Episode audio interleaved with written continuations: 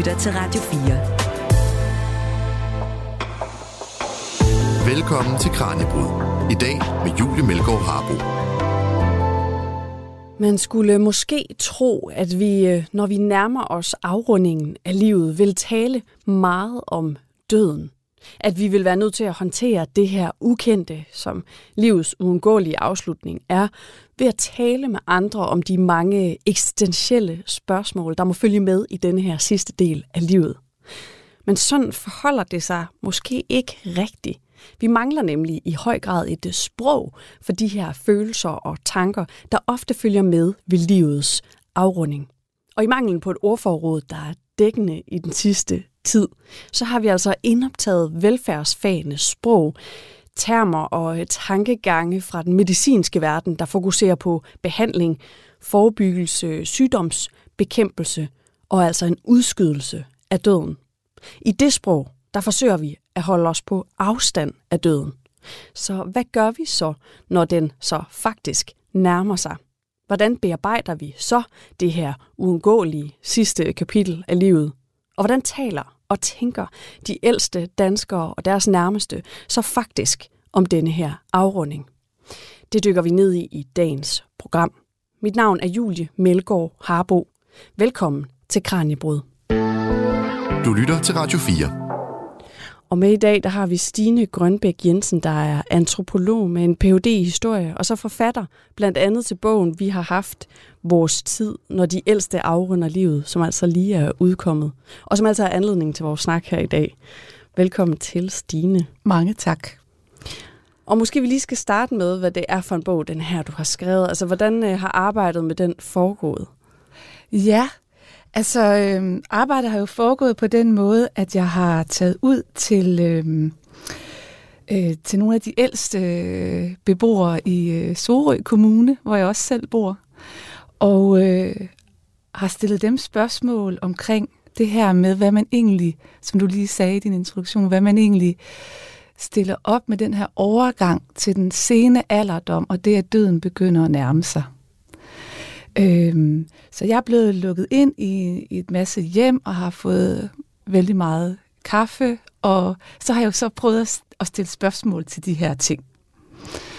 Øhm, ja. Hvad havde du regnet med at finde i den her undersøgelse? Jamen altså, baggrunden for, at jeg vil undersøge det her, det, det var egentlig sådan et paradoks i vores tid, som, som handler om, at vi lever længere og længere. Vi er blevet enormt gode til netop at forebygge og, og behandle nogle af de sådan sygdomme, som ofte følger med det at blive ældre. Øhm, vi har også i vores samfund et meget stort sådan fokus på at altså, forblive unge og aktive osv. Så, videre. så det er sådan det lange og det aktive liv, er der rigtig meget fokus på. Øh, men hvad med slutningen? Altså livet, livet slutter jo. Der er jo en uundgåelig død i slutningen, så, så øhm, Hvordan forholder vi os egentlig til det? Det synes jeg var glædet meget i baggrunden. Så det øh, i vores samfund, så det vil jeg, det vil jeg spørge de øh, ældste om. Og så var min forventning jo, at det var glædet baggrunden, men da der, når der så kom sådan en antropolog udefra med sin diktafon og sin spørgeskema og sine øh, notesbøger, at så vil de ligesom gribe den her mulighed for endelig at få fortælle, få fortalt om alle de her overvejelser, om det at blive rigtig gammel, og, og om livet, og hvad, hvad de tænkte, der skete efter, efter døden, altså efter livet, eller sådan nogle ting. Men øh, nej, det, det, øh, det, det, altså den der samtale om de her ting flød ikke så let. Altså tit så grinede de lidt for lejen, da mine spørgsmål. Nogen synes, jamen det var da ikke sådan rigtig øh, værd at tale om. Altså de ville hellere hvad kan man sige, spore samtalen tilbage til det her med, hvordan de holdt sig i gang, end det der med, at livet skulle afrundes. Og når jeg sådan var meget konfronterende og spurgte sådan ind til døden, så var der også flere, der synes, det var sådan lidt et upassende tema at, at tale om. Øh, og, og flere sådan brugte sådan nogle øh, talemåder, som, jamen, jamen, det kommer jo helt af sig selv. Altså, det var jo ikke værd at sidde og, og reflektere videre øh, over. Men samtidig så kunne jeg jo så se, altså når, når jeg så, du ved, tag, besøgte dem flere gange, øh, talte med dem, og især det der med at faktisk lytte til, hvad det så var, de rent faktisk sagde, og sådan droppe lidt mine egne spørgsmål og følge med på det, de fortalte, så kunne jeg jo godt se, at der var en masse også eksistentielle dramaer på spil i deres liv. Det er svært. Altså, der er mange ting, der er svære ved det at, at blive meget gammel øh, og vide, at livet skal slutte. Der er meget, der, der er svært ved det, men der var ofte også en skønhed vævet ind i det.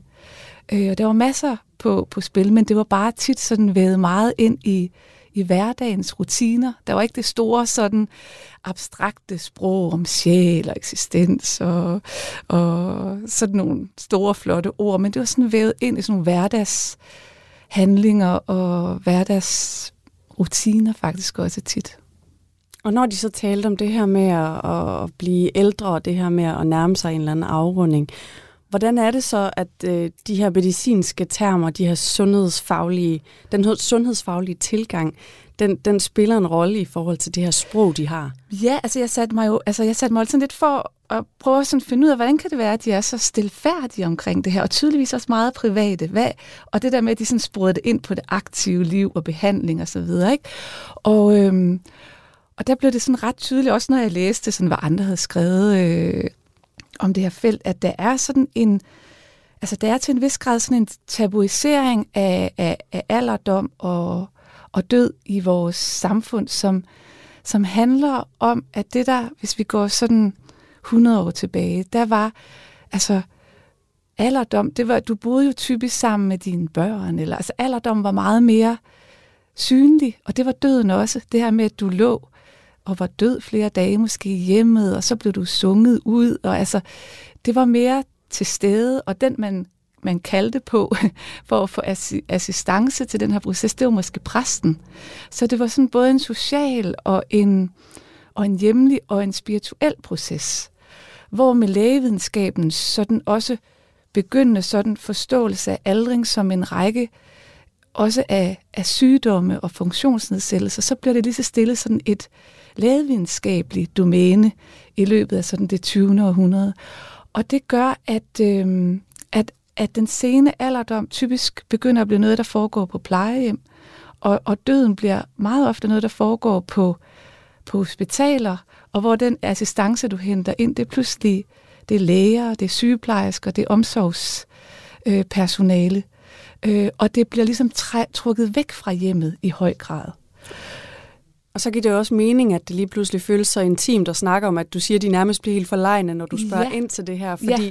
hvis det er noget, der er blevet trukket ud til et sted, hvor det ja. kun er sundhedspersonale, ja. der nærmer sig. Ja, og, og lægevidenskaben, deres sejre handlede jo om at forlænge liv og helbrede osv. Og, så videre. og det gjorde jo, at, at, altså, det, det gjorde jo, at, at det her med sygdom og død næsten blev sådan noget lidt skamfuldt for lægerne, eller forbudt. Altså det blev sådan talt ned, fordi at miraklerne var jo det her med, at man kunne forlænge livet og så videre. Ikke? Øhm, så det, der kom, altså derop sådan igennem 70, 60'erne, 70'erne, altså sådan, at man mindre og mindre talte om døden. Der, der er flere, der peger på det her, og, så, og sådan set også mennesker, jeg har talt med, at, at ældre på syge, altså der, der så er, er på hospitalet, man taler ikke rigtig om døden, før at den, livsforhandlende, at den livsforlængende behandling ligesom slår, slår om i palliativ behandling. Ikke? Øh, men det er stadigvæk på hospitalet, og det blev næsten ikke i talesat, som nu er det døden, det handler om. Det er i hvert fald meget, meget kortfattet, at det er noget, man sådan fortalt om. Jeg tror, der er en, et skred lige nu, øh, og det tror jeg måske også, min bog er et udtryk for, at der er sådan en holdningsmæssig skred. Der er en bevægelse nu. Altså, hvordan ser du det? Jamen, det ser jeg, det ser jeg jo både lidt i, i, i, i sådan altså tit må man jo også spørge sig selv om, hvorfor stiller jeg lige det her spørgsmål lige, lige nu? Mm. Og det er jo sjældent, fordi man ligesom bare har fået en fuldstændig ny idé. Altså, det er jo typisk, fordi det er, at man ligesom, der er også nogle modstrømninger. Ikke? Der, der er blevet talt mere og mere også om det der med, så er nogen, der taler om, at vi skal være bedre til at tage den svære samtale, eller den omsorgsfulde samtale, eller hvad man nu siger i slutningen af, af livet. Ikke? Men, men det, jeg så fokuserer på, er jo egentlig også, hvordan den her proces jo egentlig påbegynder lang tid før en selve sådan dødsforløbet. Det er jo noget, der sker løbende, at de ældste begynder sådan at tage afsked med den, det liv, de har levet, og omstille sig på mange måder, og, og at døden rykker meget tættere på, altså som, som det, der ligesom udgør fremtidshorisonten. Det er ikke længere noget abstrakt fjern. Det er noget, som man begynder, når folk, når folk, når man siger farvel til slægtninge, man ikke ser så tit, det kan være søskende for eksempel, så bliver det med med sådan en sætning, ja, nu må vi se, om vi ses igen. Ja, det eller, synes jeg, det har jeg også ja, lagt mærke til. ja, Alle sådan over ja, 80 i mit liv ja, ja. øh, har tit netop den der, ja, ja nu må vi se på Nu må længe. vi se, ja. ja. Eller hvis de siger, hvor bliver det dejligt med din 90-års fødselsdag? Ja, ja, nu må, nu vi, må se. vi se. Ja. Så den bliver sådan, det er ikke længere noget abstrakt på samme måde. Også fordi de fleste ældste har jo oplevet måske ægtefæller, søskende, gamle naboer. Altså at rigtig mange, når man bliver omkring de 90, som de er dem, jeg øhm, øh, har fulgt, så har man jo gået til rigtig mange begravelser efterhånden. Og man er nogle gange en af de sidste, der er tilbage i ens generation, så man er meget bevidst om, at, at døden er ikke, er ikke noget fjernt. Så det er en lang, egentlig proces.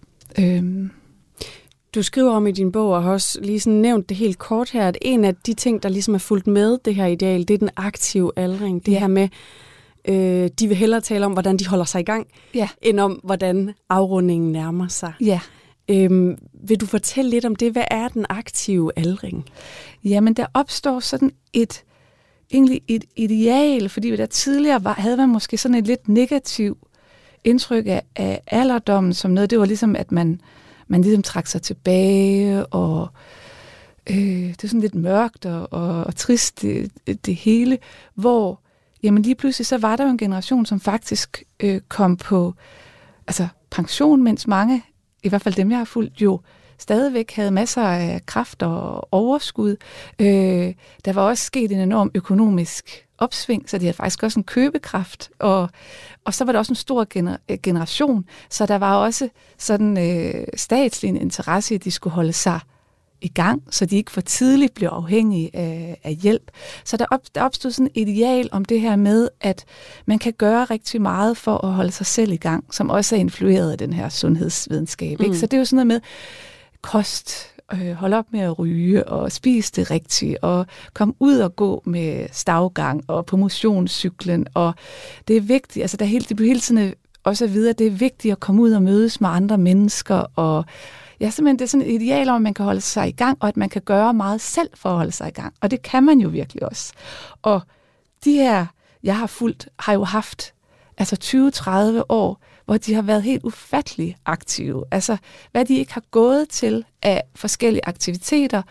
Øh, de har også taget sig af børnebørn og deres egen syge forældre. Øh, kæmpe samfundsopgave har de også, altså hvad kan man sige, altså de har også løst en stor omsorgsopgave. Mm. Øh, de har været frivillige i øh, genbrugsbutikker og alle mulige forskellige sådan aktiviteter. De har rejst meget osv. Men den der, det her ideal om, at man kan gøre meget for at blive ved med at holde sig i gang, og at man også sådan bliver rost af omverdenen. Hvor er det flot, som du holder dig. Hvor er det fantastisk, som du holder dig i gang. Du og kan stadig tage trapperne. Ja, lige Hvor er det ej, hvor holder du dig godt, hvor er det godt, ikke? Altså, du er i hvert fald ikke sådan en, der bare sætter sig hen i stolen. Og, øh, men på et eller andet tidspunkt, så kan man jo simpelthen ikke længere. Og så er hele det her ideal omkring øh, den aktive aldring, kan godt give sådan en fornemmelse af, af, af selvbebrejdelse. Altså, at man føler sig sådan lidt skamfuld over, at man ikke kan klare sig selv længere. Altså, vi lever jo også i et samfund, hvor værdighed i høj grad bliver øh, altså der er i høj grad sat lighedstegn med værdighed, og så det at være aktiv, sund og kunne klare sig selv. Så, så de her sådan idealer og normer, også om den aktive og den vellykkede aldring, kan faktisk gøre det rigtig svært på en eller anden måde, når man så går over i den sene alderdom, og, det, og hvor man bliver afhængig af hjælp. Og det, der gør det svært, er måske også, at man i højere grad så er på et hospital eller et plejehjem et sted, hvor, hvor det er nogle forholdsvis fremmede mennesker, og sundhedspersonale, der faktisk tager sig af en her. Det kunne jeg forestille mig i hvert fald, at man kan opleve som mere skamfuldt, end hvis man er i hjemmet, og det ligesom er i vante rammer, og nogen man kender. Ja, det er klart, der er også en masse, altså der er også en masse sammenbrud, altså hvad kan man sige, sammenbrud forbundet med det der med, at man så ofte skal altså nogen skal så på plejehjem, men det er jo også sådan i dag, at, at øh, man forsøger virkelig at få folk til at blive hjemme så lang tid som overhovedet muligt. Men det betyder jo så også, at når man ikke selv kan komme ud, så kan man sidde og blive ret alene. Altså, og selvom ens børn, mange af dem, jeg får jo enormt meget støtte af deres børn, men de kan jo ikke være der hele tiden. Altså, et døgn kan blive ret langt, øh, når man skal have hjælpen i hjemmet. Øh, og så er der også sket det, at, øh, hvad hedder det, øh, at der er rigtig meget pres på ældreplejen. Øh, der er mangel nogle gange også på, på, øh, på medarbejdere. Det kan være, at den faste medarbejder, man har haft, bliver syg, eller som flere faktisk har nævnt, er gået ned med stress. Så pludselig så er det vikarbyråerne, der kommer, og så er der altså et rand af fremmede mennesker, man ikke kender. Og nogle har så travlt, de ikke engang tager jakken af, når de kommer ind, og så hurtigt ind og ud. Og så bliver det også lidt fremmed i ens eget hjem. Mm. Øhm, ja. Så hvordan, altså, hvordan har ensomhed fyldt? Jeg tænker både i forhold til øh, de rammer, som den, det her ideal om aktiv aldring, det skaber for den aller sidste tid, der hvor du ikke længere kan være aktiv, og, ja. og faktisk så står måske lidt alene uden et sprog for det her, fordi sproget indtil da har været, hold dig i gang, og hvilke behandlinger ja. får du, og ja. hvordan fylder ensomhed for, for nogle af de her mennesker? Og det er meget forskelligt, fordi det er også en meget, meget blandet flok ja. jeg, har, jeg har fulgt. Så jeg vil sige, det, det, det er meget forskelligt. Og så vil jeg faktisk også sige, at jeg har fået fat i de ældste gennem, at jeg ligesom har spurgt nogle kommunale medarbejdere, om de vil spørge på vegne af mig. Så jeg tror, mange af dem, jeg har... Altså, jeg tror, der sidder mange ensomme rundt omkring, og jeg har ikke... Det er måske ikke dem, jeg har fået allermest fat i, lige nøjagtigt den. Øh, den øh, gruppe. Øh, ja. Men hvordan med den her oplevelse af at stå med et eller andet eget ansvar, altså at du ja. får at vide, at du kan selv ligesom, din egen indsats har en stor betydning for din ja. sundhed og din ja. aldring. Øhm, men det kan vel efterlade nogen, tænker jeg. Jamen det kan det netop. Det er netop det, det kan. Og give sådan en fornemmelse af, at, at at den sidste tid, øh, dels at man lidt af selv er skyld i, at man ikke kan, kan blive ved med at leve det der liv, men der er også et stort meningstab forbundet med det. Altså et enormt meningstab, fordi det man jo netop har lagt stolthed i, værdighed i, og det der med at forblive aktiv og, og gøre, gøre nytte. Og der kommer vi også lidt hen i et, i et andet spor, som jeg forfølger i min bog, som også handler om, at det er jo også en, en gruppe, der er, der hvad hedder det, øh, der er formet af en særlig tid, den tid, de har levet i. Ja. Så det her med, at man ikke kan, kan gøre, kan nytte længere, øh, øh, man ikke kan være noget for andre, det, det er faktisk ofte det, der ligesom udgør det store sådan eksistentielle drama, eller det, som er rigtig svært at håndtere for de ældste. Ja, og hvad det er for en generation, og hvordan øh, deres forhold til det her med at gøre nytte, det er, det skal vi også øh, dykke ned i her om ikke så længe. Men først så skal vi altså lige høre lidt om, hvorfor det er, vi øh, bliver ældre, og hvad det er for nogle ekstra år, vi får. Du lytter til Kranjebrud på Radio 4. Middellevetiden for danskerne er steget og steget de sidste mere end 100 år. Middellevetiden er et mål for, hvor gammel en nyfødt kan forventes at blive, hvis dødeligheden i fremtiden bliver på det nuværende niveau. Der er lidt øh, småbump undervejs igennem de 100 år. Der er enkelte år, hvor tallene lige dykker en anelse, men generelt så er kurven bare kravlet længere og længere op. For mænd er middellevetiden nu på 79,4 år, mens den for kvinder er op på 83,1 år, viser tallene fra Danmarks Statistik. Men på hvilke måder kan vi se i aldringsforskningen, at det her ideal om den aktive alderdom, det fylder? Og hvorfor er det egentlig, at vi kan håbe på at blive ældre end vores forældre? Lektor Morten Skejby Knudsen er aldringsforsker ved Københavns Universitet, og han siger, at der ikke er én forklaring på det. Det er jo en masse sådan uh, små ting formentlig, der gør, at vores levetid stiger. Vi bliver en lille smule bedre til at behandle sygdom. Øh, vi får nok en lille smule bedre øh, mad, altså vores fødevarer bliver måske en lille smule højere kvalitet, forhåbentlig. Men man kan sige, at de helt store kvantespring i levetiden har jo været fra øh, for eksempel vacciner og penicillin og de her store øh, interventioner, der rigtig kunne påvirke dødeligheden og sygdom generelt. men altså, det er, det er nok en masse små ting, der gør, at vi, vi bliver, bliver ældre og ældre. Kan det blive ved? Jeg tror, at, at, man, at de fleste aldringsforskere, at der nok er en naturlig sådan, biologisk grænse for, hvor gamle vi kan blive på nuværende tidspunkt. Ikke? Men i gamle dage var der også øh, en biologisk grænse, der hed, at man ville dø af lungebetændelse, når man var 40 normalt, ikke? eller hvis man brækkede benet, så overlevede man nok ikke for 10.000 år siden. Øhm, så de grænser har vi jo brudt igennem, og det er, tror jeg, meget sandsynligt, at vi på et eller andet tidspunkt også vil kunne bryde den sådan nuværende biologiske grænse. Og det er fordi, at, at aldring er jo meget forskellig. For eksempel, der er nogle dyr, der ikke ældes. Ikke? Så, så øh, det er ikke en naturlov, at vi skal ældes som organisme. Så derfor kan man også forestille sig, at vi kunne finde på måder, hvorpå vi kan påvirke aldringshastigheden. Men med det niveau, vi så har i øjeblikket i forhold til middellevetid, er det så gode eller dårlige år, som vores gennemsnitsliv er blevet forlænget med?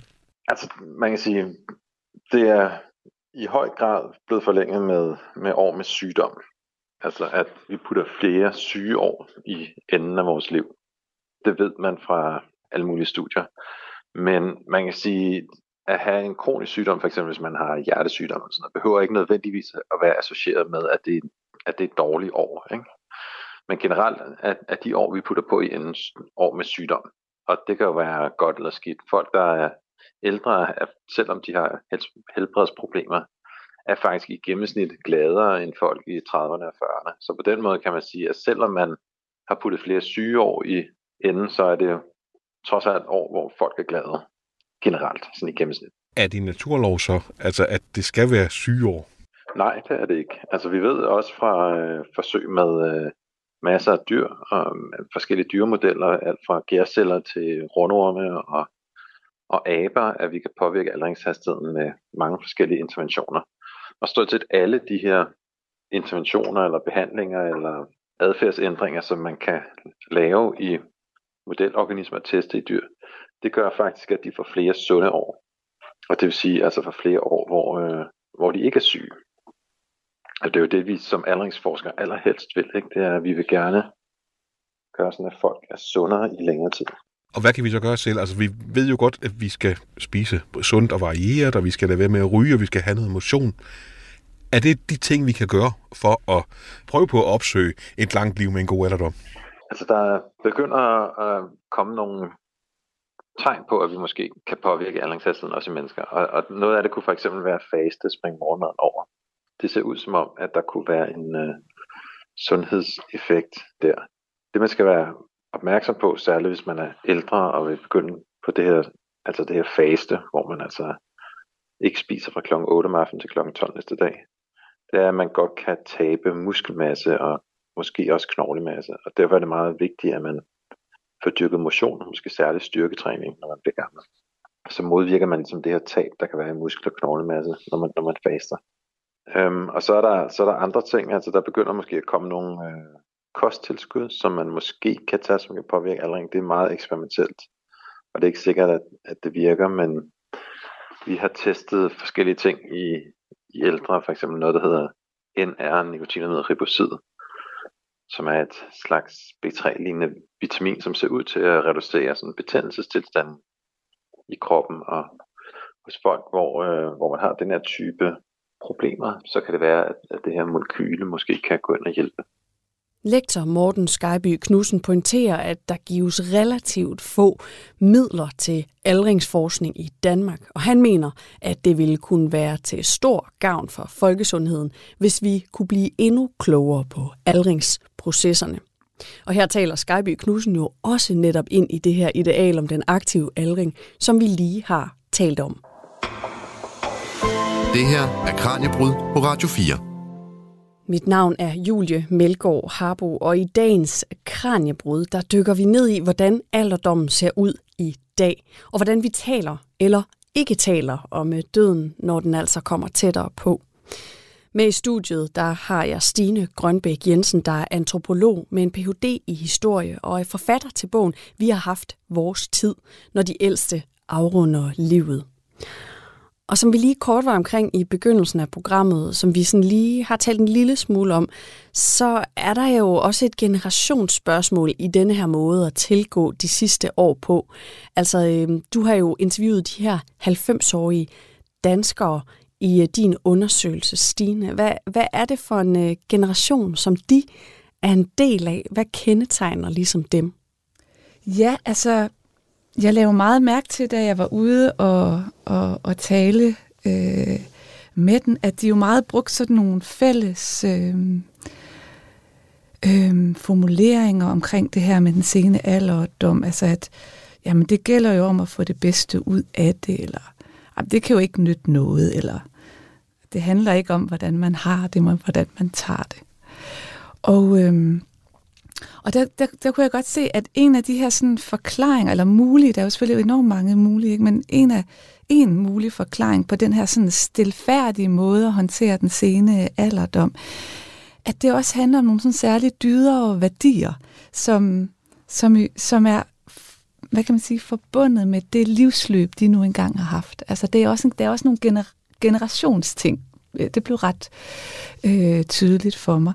Og det er jo sådan en generation, som er, altså de, nogle af dem er født i sådan 20'erne, de voksede op i løbet af 30'erne, hvor der jo simpelthen var en, en nøjsomhed, som vi har svært ved at næsten forestille os i dag. Altså hvor lidt man havde, hvor meget, altså øh, hvor meget der skulle spinkes og spares og samles og lappes og så videre, øh, for at få det til at, at, at hænge sammen i de her øh, familier, ofte med en stor børneflok, øh, ude på landet, som er, som er sådan hovedsageligt, eller inde i byerne for den sags skyld. Øh, så er det jo også en, en generation, som har oplevet krigen, og den enorme usikkerhed, der var forbundet med, med 2. verdenskrig. Altså det, det, det blev egentlig også meget eller du ved, man blev mindet om, når man, når, da jeg talte med de her ældste, at når man er midt i det, så ved man jo ikke, hvordan det ender. Altså det er jo forbundet med en enorm usikkerhed omkring fremtiden at være besat. Øhm, øh, og så kan man sige, så etablerer de sig så i løbet af 50'erne, og der er det der med, altså der er det der med så at, at, at stabilitet og, og ligesom få et eget hjem, få et fast arbejde. De der ting betyder meget øh, for dem.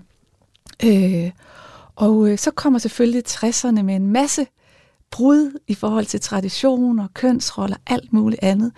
Øh, men der er de bare allerede forankret. Altså der er de, der er de allerede ligesom, øh, der har de... Øh, der har, der har de fået deres første børn, og er ligesom i gang med at leve deres, øh, deres liv. Så det, de der formative år øh, ligger jo meget inde. Og det, der jo er meget typisk for dem og i deres sådan livsløb, det har jo været, at i modsætning til senere generationer, hvis jeg er, man kan jo ikke lade være med at sammenligne med sig selv, mm.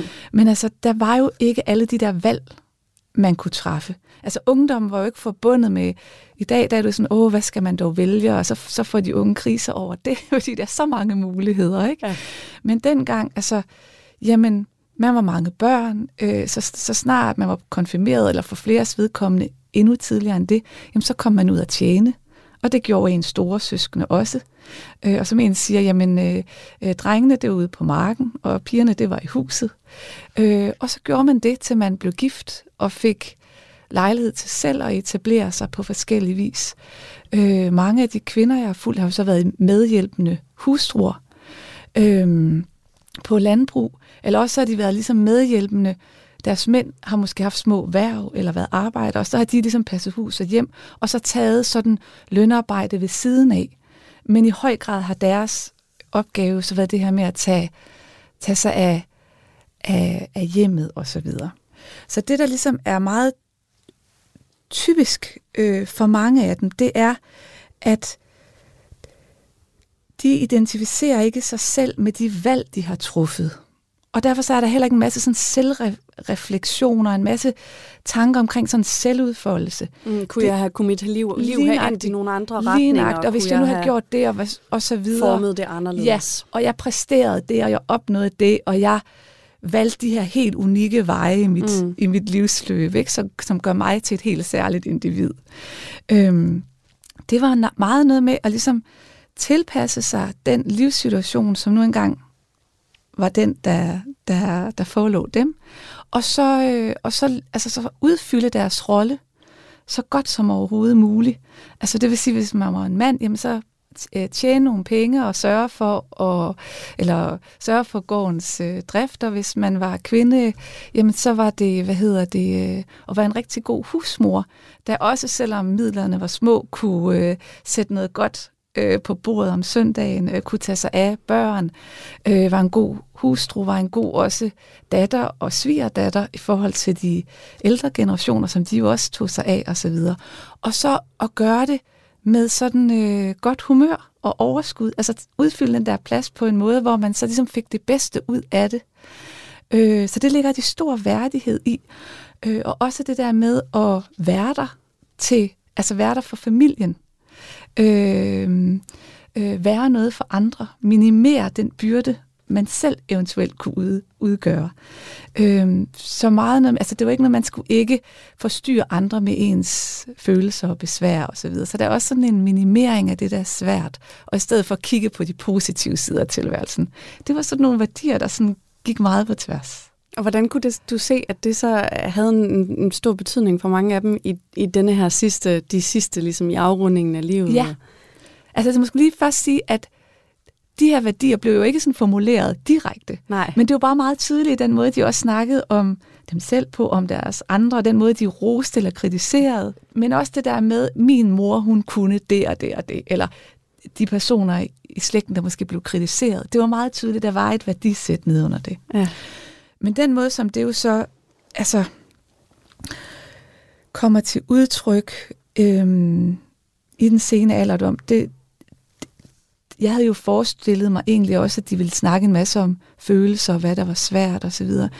Øh, men men, øh, men det, altså det, var meget, det var meget det der tab af, af nogle roller. Altså det, eller det der, hvis man altid har sørget for andre, og været en god mor, en god bedstemor osv., så, videre, så det der med, at man pludselig var den, der havde brug for andres hjælp, det kunne være rigtig svært. Det kunne også være sådan noget med, at man rigtig kunne holde hjemmet ud, altså efter egne standarder, ikke? Så hjemmet kunne forfalde lidt, eller man kunne ikke lave den der gæstemiddag, være vært for en stor familie. Så det var noget, noget omkring de her sådan tab af det der, man havde været, som var svært, det der, det der koldbøtte livet kunne tage, mm. når det pludselig var en, der var... Øh, men, men så var det også, altså så var det jo også så i den der sådan måde, hvor de så virkelig forsøgte at minimere den byrde, de så udgjorde, blandt andet ved ikke at klage sig øh, og gøre så meget selv, som de overhovedet kunne. Så både at gøre det, der var psykisk og det, der var fysisk svært, bare så småt som muligt? Ja. Kunne du Absolut. mærke, hvilken konsekvens det havde for dem personligt? Fordi det må vel have nogle konsekvenser? Ja. At man sådan minimerer sig? Ja, jeg, jeg tænkte, altså jeg, jeg, jeg var sådan, jeg synes, der var en stor dobbelthed i det. Fordi på den ene side, så synes jeg, at det var nogle enormt robuste ældre, jeg mødte. Altså nogle stærke, stærke karakterer, som, altså som, øh, som, som virkelig klarede utrolig, utrolig mange tab og forandringer i deres liv med sådan... Oprejst pande. Ja, ja. oprejst pande og sådan en, en storisk ro på mange måder. De, de var sådan robuste på mange måder. Ikke? Ja. Men, men omvendt, når man så ligesom begyndte at se alt det, de egentlig gjorde for at være så storiske, så at sige. Ikke?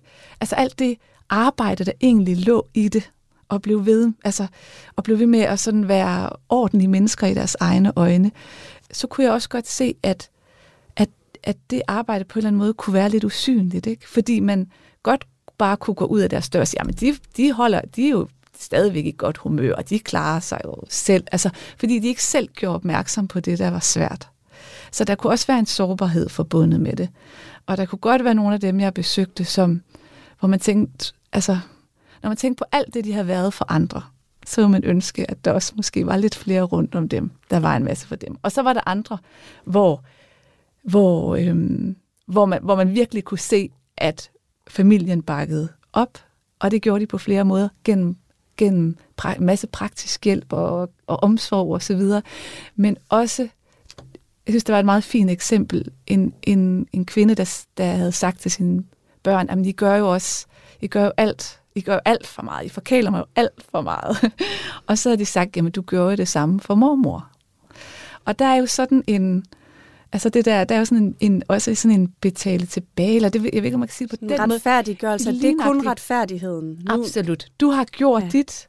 Det er helt naturligt, at vi nu gør vores. Altså, ja. hvis man siger. Så der var jo et eksempel på, at, at, at man på en eller anden måde også... Øhm, der var også nogle børn, der ligesom levede videre efter de dyder, Mm. man selv havde levet efter, og så fik man tilbage. Men hvis nu man havde nogle, nogle børn, som havde vildt travlt med deres individuelle karriere, og altså var et helt andet sted, også i det, de opfattede som værende havende værdi, ikke? så kunne man måske godt blive lidt overset.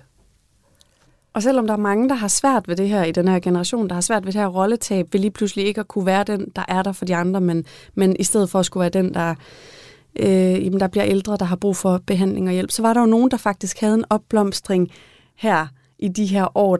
Du skriver om dem, du, kalder de glade enker. Ja, Hvad er det for nogle kvinder?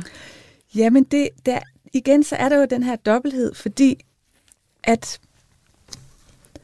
der er en antropolog, Margaret Mead, der, der nogle gange kalder de ældste i samfund, der har forandret sig meget, meget hurtigt for en form for immigranter i tid. Og det kan man i høj grad sige om den her generation, ikke? fordi deres dyder, deres værdier og deres sådan verdenssyn i den grad er formet af en tid, som ikke er her mere. Og det er derfor, de også nogle gange kan blive overset, tænker jeg. Ikke? Så det er, den, Mm. det er den ene side. Men, men, men der er jo også nye muligheder øh, ved de nye, for eksempel kønsroller. Øh, og der oplevede jeg, at, at faktisk ikke så få af de kvinder, jeg, jeg, jeg fulgte, som havde været medhjælpende hustruer på forskellig vis, og som i høj grad havde altså på mange måder serviceret deres mænd, måske også taget sig af dem øh, i de sidste år af mændenes altså sygdomsforløb og død, og det er jo en kæmpe opgave at skulle passe et andet menneske, når man egentlig også selv er oppe i årene, ikke? Og, og ikke har så mange kræfter. Øh, at der kunne selvfølgelig være tab forbundet med mandens død, men for nogen så var der altså også en opblomstring forbundet med det, fordi man lige pludselig ikke længere sådan skulle stå til rådighed. Altså lige pludselig så havde man større frihed til, at jamen, maden skulle ikke stå på bordet klokken halv syv, sådan som manden nu engang havde været vant til i, øh, i hele deres sammenliv. Øhm, der blev ikke banket på toiletdøren, hvornår du færdig, når man var derinde og sådan. Øh, og noget, der gik i meget høj grad igen, det var, at det var tydeligt, at mange havde lagt sådan lidt bånd på sig selv i sociale sammenhænge, fordi det ligesom var manden, der sådan var, ja, det ved jeg ikke, sådan den, man skulle i hvert fald ikke som kvinde fylde for meget sammen med sin ægte mand. Ikke? Så der var nogen, der, som de sagde, nu tager jeg revanche, øh, som, som ligesom i, i alderdom dels blev meget aktiv i forhold til at mødes med en masse andre mennesker, men også fylde meget mere. Altså kunne udfolde deres humor, og kunne udfylde, altså kunne sige deres meninger. Og en sagde, jamen det kan godt være, at nogen synes, jeg er en rappen skralde, men nu har jeg været stille hele mit liv, og nu, nu tager jeg revanche. Øhm, og der er jo både det der, altså man har jo været bundet af nogle kønsnormer. Ja, fordi øh, den her generation, de var, som du siger, etableret ja. Familie i 50'erne. Det Lignagtigt. er et rimelig firkantet kønsbillede, Lige vi har nogle meget traditionelle kønsroller, hvor mændene sørgede for et, man sørgede for et, og man havde også nogle bestemte måder sådan at være på i det sociale. Ikke? Men samtidig så er det der med, nu tager jeg revanche, er jo også en måde at tilpasse sig til nutidens værdier omkring, altså at kvinder skal være selv, selvstændige og have deres egen mening og kunne sætte grænser osv. Så, ikke? så det er også en måde at tilpasse. Der er jo hele tiden en forhandling af egne værdier i relation til det der, det der også er omkring en, altså de værdier, der er, er dominerende i samfundet. Ikke? Så det er jo også sådan en måde at, at ja, genforhandle sig selv og sine værdier løbende. Det gør vi jo hele tiden, også selvom man er formet en bestemt tid. Når vi taler om det vigtige i, i det her med at have en rolle øh, for de ældre, en rolle i familien, hvordan har det så forandret sig for for eksempel tidligere generationer? Den måde, som den her generation af ældre, de ligesom er i, øh, i familien på, altså med deres børn og børnebørn, måske oldebørn. Ja. Du skriver på et tidspunkt i din bog om, øhm, om en, der husker tilbage på, hvordan hendes mor kom Ja. og boede hos dem i flere dage eller flere uger Ja. og hjalp til Ja. i hjemmet. Og Ja. hvordan har den her generation en anden måde øh, at være med, med deres familie på? familie på. Jeg tror, det er, jeg tror, det er et, altså et ret blandet billede igen, men der er måske nok en tendens til, at vi i højere og højere grad sådan lukker os om, om kernefamilien. Øhm, og, og på den måde, altså ikke så meget invitere sådan de ældre generationer sådan ind til, sådan, jamen, så bor du bare her. Og så, men, det, men det handler lige, lige hende, hun boede også i et stort hus, ikke? og havde mulighed. Øh, var præstekone, ikke havde boet en spor præstegård, havde mulighed for at have hendes øh, forældre og svigerforældre boende osv. Men det er tydeligt også ude på landet, var der faktisk også flere, der havde øh, altså børn boende i den sidste del af deres øh, liv og tog sig af dem. Og, øh, og i nogle situationer kunne de ældste jo så gå og hjælpe til og være en del af hverdagen, men det var jo også i andre situationer en, en meget stor omsorgsopgave som jo også bliver sværere at varetage i dag, fordi nu er alle kvinderne jo ude på arbejdsmarkedet stort set, og vi går jo også senere på pension. Så der er jo også noget ved den måde, hele vores samfund er organiseret på, der faktisk også gør det sværere. Ja, lige så snart man har et barn, der er syg flere dage, så ja. er der ikke nødvendigvis en bedstefar eller bedstemor, der faktisk er på pension, som nej, kan, nej, kan hjælpe til. Nej, og det er klart, det, det, mange jeg kender, de år, hvor de så både altså, er på pension og er friske, så løfter de tit en kæmpe stor mm. omsorgsopgave. Ikke? Men, øh, men det der med, med den hjemmegående husmor, der sådan lige kunne dels altså, hjælpe en masse til hos sine børn, og dels have, hvad hedder det, øhm, øhm, sin egen forældre, svigerforældre boende, det er, ja, det er tiden jo ikke rigtigt til den måde, vi har organiseret os på i dag. Og vi har jo altså nu fået slået fast, at vi virkelig mangler et sprog til at tale om døden. Øh, men bare fordi vi ikke har et sprog, så betyder det jo ikke, at det her ikke bliver bearbejdet, at tankerne og følelserne og bekymringerne, de, de ikke bliver bearbejdet. Det sker bare måske på en anden måde. Og det kan jeg godt tænke mig at tale lidt om nu her, ja. Stine. Ja. Måske vi kan starte med, hvad det faktisk er, vi mangler i sproget. Det er jo et svært spørgsmål, fordi vi netop mangler et ordforråd, ja. men måske du sådan kan beskrive det lidt alligevel. Altså, hvad det er, vi ja. mangler ord for. Ja, og det, og der har du, du er fuldstændig ret, det er lidt svært, og, og hvad var det egentlig, jeg havde forventet, og så videre. Men det var vel, altså, man kan sige, hvis vi kigger på, nu har jeg, jeg har arbejdet i sådan et tværfagligt øh, øh, projekt, hvor der også har været litterater tilknyttet. Mm. Øh, og noget af det, som de har sagt, som jeg synes har været enormt tankevækkende, det er, hvor meget i vores litteratur, der handler om ungdommen. Altså det der med at skulle være ung, skulle finde sin egen ben, altså og, og ligesom folde livet ud. Det, er, det, har vi jo, det er vi jo simpelthen så optaget af. Vi er jo nærmest besatte af de der ungdomsår i vores kultur. Ikke? Så det er der jo simpelthen så mange bøger og film og musik om, der handler om de der ungdomsår, hvor der findes ikke særlig mange sådan kulturelle fremstillinger af de her, at, at, det, at det her med, at livet også skal slutte. Øhm, så det er vel det der med, at, at jeg tænker der også på en eller anden måde mangler noget også om, den, om de betydninger og de sådan svære, men også meningsfyldte, måske endda også nogle gange smukke processer, der kan være forbundet med, med det at tage afsked med livet. Øhm, lidt som sådan en pendant til det der med at springe ud i livet, så er det også noget med at tage afsked. Altså hvor man kan sige, det er jo, når jeg har været ude og besøge de her ældste, så er det jo, altså det er jo virkelig nogle personligheder, helt enormt. Altså dels er de jo forskellige og har hver deres livshistorie og hver deres temperament og ja, humor, som vi talte mm. lidt om før. Ikke? Men, men de har jo simpelthen så meget levet liv. Altså de har oplevet så meget i deres liv. De har livserfaringer og altså hvordan kan det være, at vi ikke tillægger den der enorme rigdom, den der forbindelse, de har til fortiden også. Altså, når, når man taler med mennesker på 90 år, som også kan huske deres bedsteforældre, så er der jo en forbindelse til en nærmest fjern, helt eksotisk ja. fortid, ikke? fordi så er vi altså langt tilbage.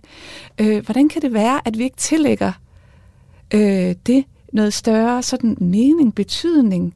Altså, øhm, og det har man vel også gjort tidligere, eller i andre ja, kulturer, altså den her visdom, der ligesom følger med absolut, hos der, de ældste. Absolut, ja i andre kulturer, der kan, altså, og særligt tidligere også, fordi nu er vores verden jo meget global og så videre, det her med aktiv aldring influerer jo efterhånden rigtig mange afkroge af, af...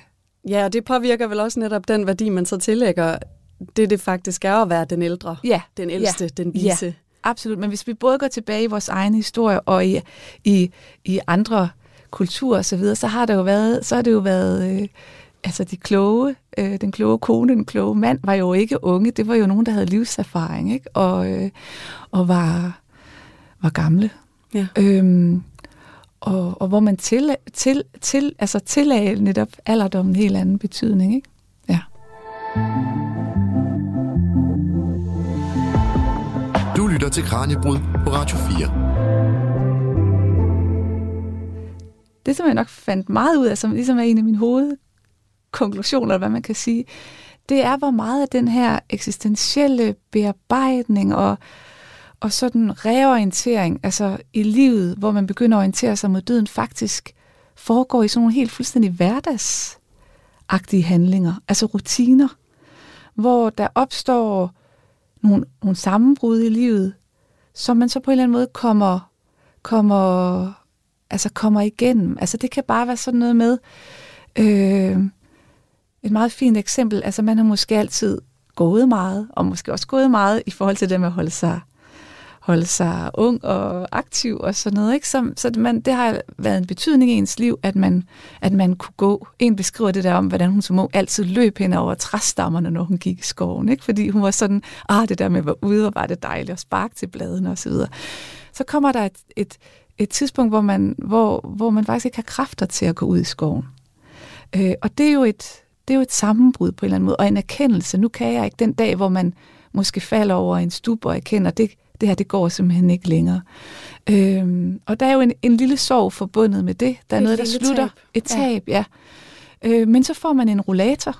Øhm, og jamen, så genoprettes på en eller anden måde betydningen ved det at gå øh, igen. Det kan være, at nogen siger, jamen, så begynder jeg at gå ruten, som bussen kører, for så kan jeg jo altid tage bussen hjem. Smart. Ja, øh, så kan det være, at det også på et tidspunkt bliver for langt. Så tager man måske bare lige en tur rundt om, hvad hedder det, om, øh, om blokken, eller hvor det er, man, man bor. Det kan så være, at på et tidspunkt, så er det noget med, at man bare har nogle bestemte ruter inde i huset, og på et tidspunkt, så sidder man måske bare i, i sin seng det meste af dagen. Ikke? Øhm, og hver eneste gang, der ligesom er en indsnævring, så er der jo en erkendelse af, ikke bare, at nu er det slut, men, men jo også i de der erkendelser, altså lidt en, en erkendelse af, at livet er jo ikke evigt.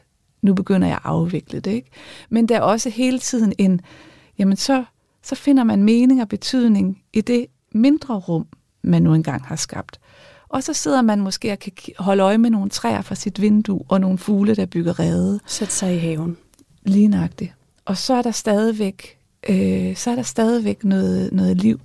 Der var en mand, jeg, jeg fulgte, som hvis sådan livs sidste leveår, synes jeg, illustrerer det utrolig fint. Han, da jeg mødte ham, var der et par år siden, han havde tabt sin, altså mistet sin kone, og det var virkelig et stort tab for ham. Mm. Men han fik alligevel øh, en masse værdi ind i sit liv ved hver dag sådan at cykle ned til en mark, han havde, og passe nogle bier. Der var jo masser af sådan det der med at vedligeholde nogle kompetencer, men de der bier, det var hans stedfar havde også haft bier, der var meget sådan kontinuitet i det, altså noget med en forbindelse til den, han havde været. Mm. Øh, og der var noget, der gav ham, han elskede at, at betragte de der bier, det der med at se, øh, se dyr, altså det var han bare optaget af, og sådan være i, være i forbindelse med naturen, naturen på den måde.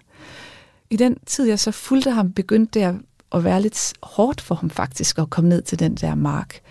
Øh, og det begyndte også at have lidt præg af noget sådan noget, han skulle, af en, lidt af en sur pligt, fordi det var hårdt at komme derned og han måtte trække for at komme, trække med sin cykel, ikke, for at komme hjem igen. Mm. Øh, men så kunne jeg se, hvordan han, når han så fodrede fuglene, og det var bare noget med at åbne vinduet, og så kaste lidt nogle fuglefrø ud af det, så kom der liv, altså så kom der, så, så altså det, det var tydeligt, det var fyldt med så meget øh, værdi for ham, og glæde at se de der fugle, og være til nytte jo også, og han skulle fodre en kat. Og den sidste gang, jeg har besøgt ham, der var han blevet meget, øh, altså der var, han havde svært ved at huske, han var slet ikke så mobil, som han havde været tidligere. Øh, men det der med at sidde, øh, vi sad lidt og så, vi sad lidt udenfor i solen, øh, på nogle plastikstole, og så fik han øje på myrerne. Øh, og den der fornøjelse øh, i det der nærvær, med at bare se på de der myrer, der pilede hen af, af fliserne. Det var tydeligt, der kom sådan en glimt i øjet igen. Øhm, og det tænker jeg, det er jo både noget med, at noget indsnævres, altså noget bliver mindre og mindre, men det viser jo også, at det betyder jo ikke, at der ikke stadigvæk er, er, er glæde, og noget af det, som jo er en forbindelse, altså er øhm, et fællestræk, det er jo den der enorme nærvær i de, i de små ting, som man måske slet ikke har haft travlt til tidligere, hvor man hele tiden var i gang. Men så kan der opstå sådan et utroligt nærvær. Øhm, ja, så det var nogle eksempler ikke på der, hvor man, altså på de der processer, hvor man ligesom får til afsked, men, men samtidig også får noget nærvær ind i det liv, man stadigvæk har tilbage. Øhm, det tror jeg altså simpelthen, jeg vil lade være de afsluttende ord, Stine.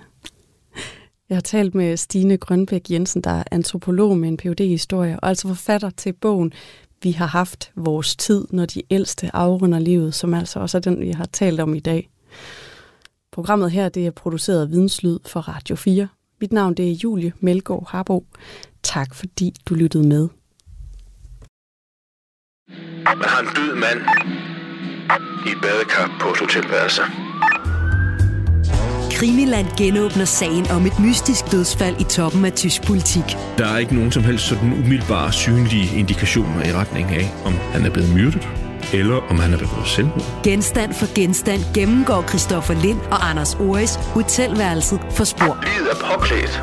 Barsel, han har skjorte og slips på. Hvis vi begynder med at fokusere på badekarret og på livet, så har han ikke sine sko på. Han har ikke nogen sko på. Lyt til Krimiland om Uwe Barschel i Radio 4's app, eller der, hvor du lytter til podcast. Radio 4. Det her, det, øh, det vil blive et mysterium. Ikke så forudsigeligt.